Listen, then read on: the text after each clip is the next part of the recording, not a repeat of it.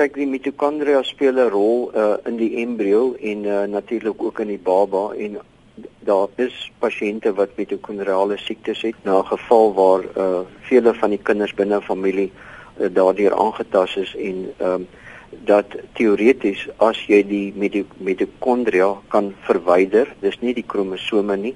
Mens kan sê dis in die sitoplasma uh, die die stof om die kromosome en dit vervang met gesonde mitokondria, kan jy dalk teoreties uh hierdie soort pasiënte help. Ehm um, ek dink dit is in kort waar, waarop dit neerkom, so jy verwyder 'n stof uit die eier en jy plaas uh daardie selfde stof terug uh van 'n gesonde persoon, maar dit is nie die kromosome wat jy raak nie. Hulle sê wel dat die kind wat sal gebore word 0,1% DNA sal deel met die skenkerma.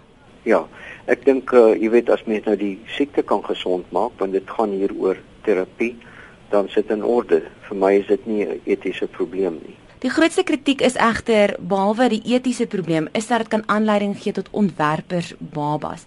Wat is die groot probleem daarmee? Ja, ek ek dink vir my is dit meer uh dat dis amper asof die media hierdie ding soms uh, vat in my hardloop, maar ek dink hier vir my is die perspektief hier's 'n siekte, hier's 'n poging om die siekte te beheer en in die siekte gesond te maak.